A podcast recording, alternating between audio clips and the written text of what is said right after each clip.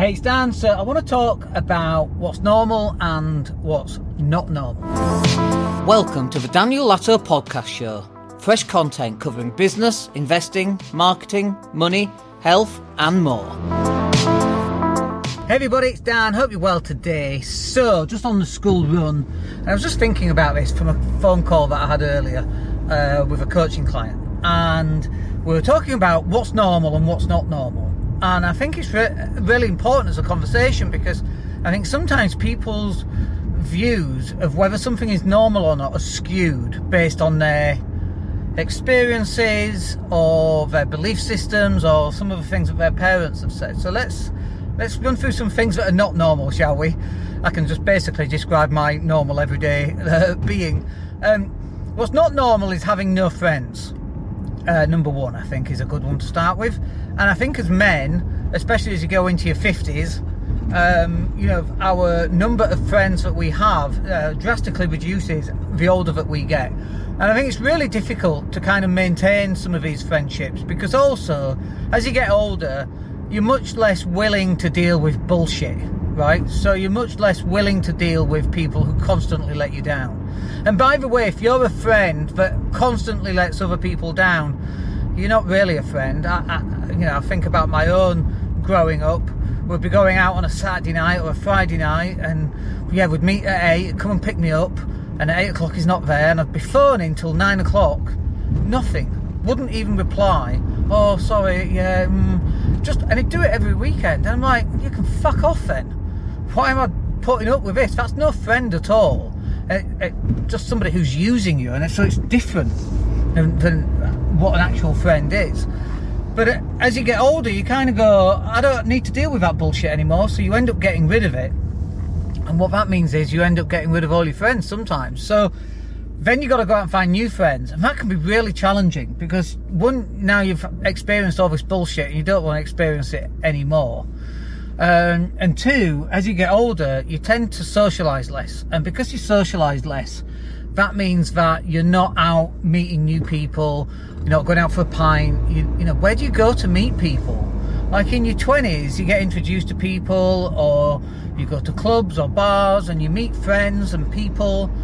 Uh, and then as you get older and you have kids, like, you know, you go hang out at a bar in your 40s, you're just a pervert in the corner, right? So where do you go? And I think that can be really challenging for people. So not having friends is really not normal. And you know for reasons for it justified reasons i think it's much harder to go. It takes a lot of effort. Um, things that are also not normal though are people who work out every week. Like really in your 40s and 50s that's probably not normal and i work out almost every day five or six days um, a week at the moment so we just picked up a new assault bike so it's probably going to be seven days a week but I think that that is something to prioritize in terms of longevity, in terms of positive uh, mental well being. That's the kind of thing that you need. The other thing that's not normal, by the way, if you're earning over 100 grand a year, that's not normal. Earning under 100 grand, you know, between 30 and 50 grand, I would say, is normal. If you're earning 20 grand, depends how old you are, really. But if you're in, in your 20s, you know, at some point in your 20s, you're only on 20, you should really be looking to be earning between 30 and 50. Obviously, times have changed because of all the uh, inflation that we've had, and even 30 grand's not that much money anymore. Uh, it's what, two and a half grand a month. Uh, it's, it's not a huge amount of money, right?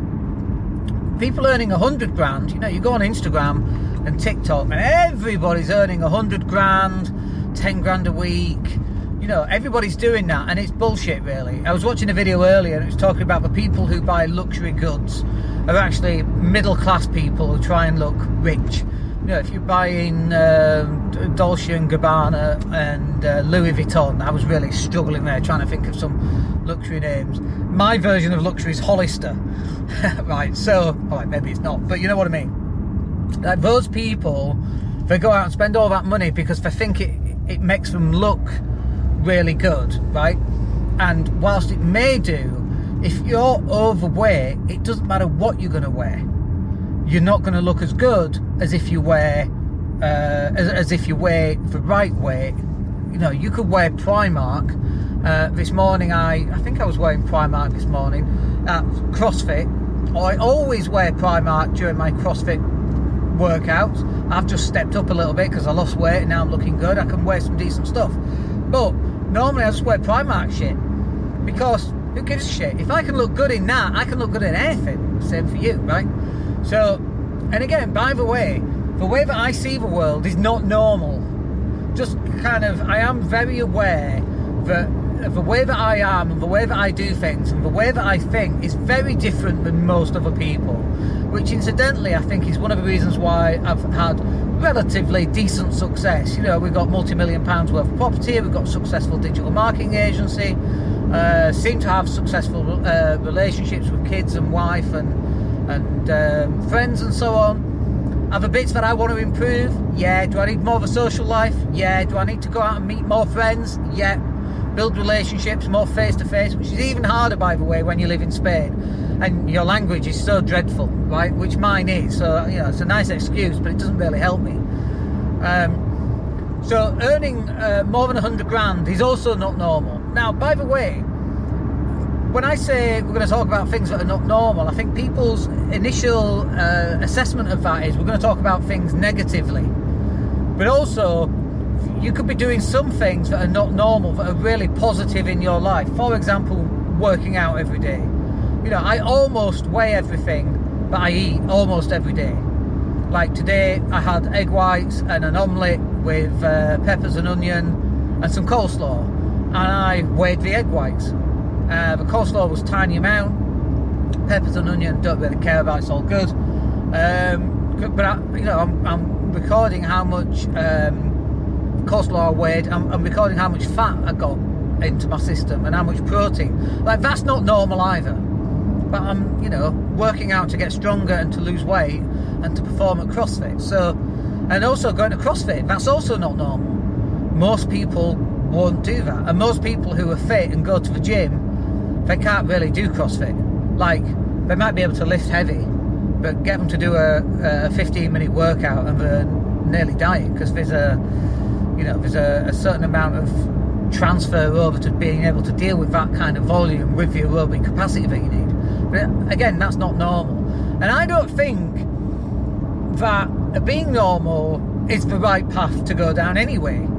Like, I'd rather be not normal than normal. So if you can earn more than 100 grand, brilliant. If you can have the body of your dreams and work out five, six days a week and eat the right amount of food every day, that's also not normal. That's much better if you can have a good social network going into your 40s and 50s and 60s, I'm a long way off 60, but it'll come, right? That's also not normal. People's network and friends contract significantly once they get out of their 20s and 30s, and especially once you start having kids. Like your friends group, uh, you know, the mum and dad who are dropping little Billy off at school, for example. Um, so the not normal thing I think is a is fine. I think it's a good thing to have. I think it's a good place to be. Uh, but I think it depends on what what the not normal actually is. And this is for you to decide, by the way. Life is just not given to you and then that's it forevermore. Your life is one that you can design around what you want it to be. So you want to work out five days a week, you want to earn a 100 grand, you can go out and earn a 100 grand you might have to do some training. It might take you a while. You might have to improve your um, skill set and your knowledge base, and you, and therefore your experiences too. But you can do that. It's going to take some commitment. It's going to, you know, the other question would be, what are you prepared to give up in order to go for that? You will have to give something up, whatever that might be. Time with your kids, time with your partner, time at football, five-a-side, time at the gym. You know, you have to give something up in order to get something back. But there's no reason why you can't do that. And it's the same for whatever you have. But this is where you should actually have goals set up so that then you're ready to go and do all the things that you need to do in order to live the life that you want. You know, we're a long time dead, folks. And if you want to go be a male model in your 50s, there's a Japanese male model in his 70s.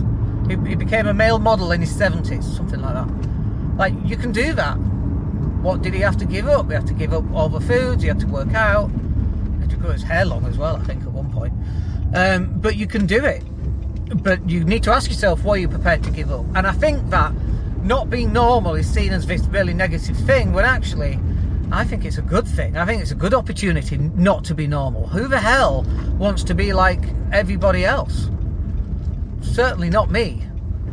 So you've got a really good opportunity here, I think. Anyway, we are at school picking up the little one, so we'll catch up with you on the next one. But I hope that's useful for you. Speak soon.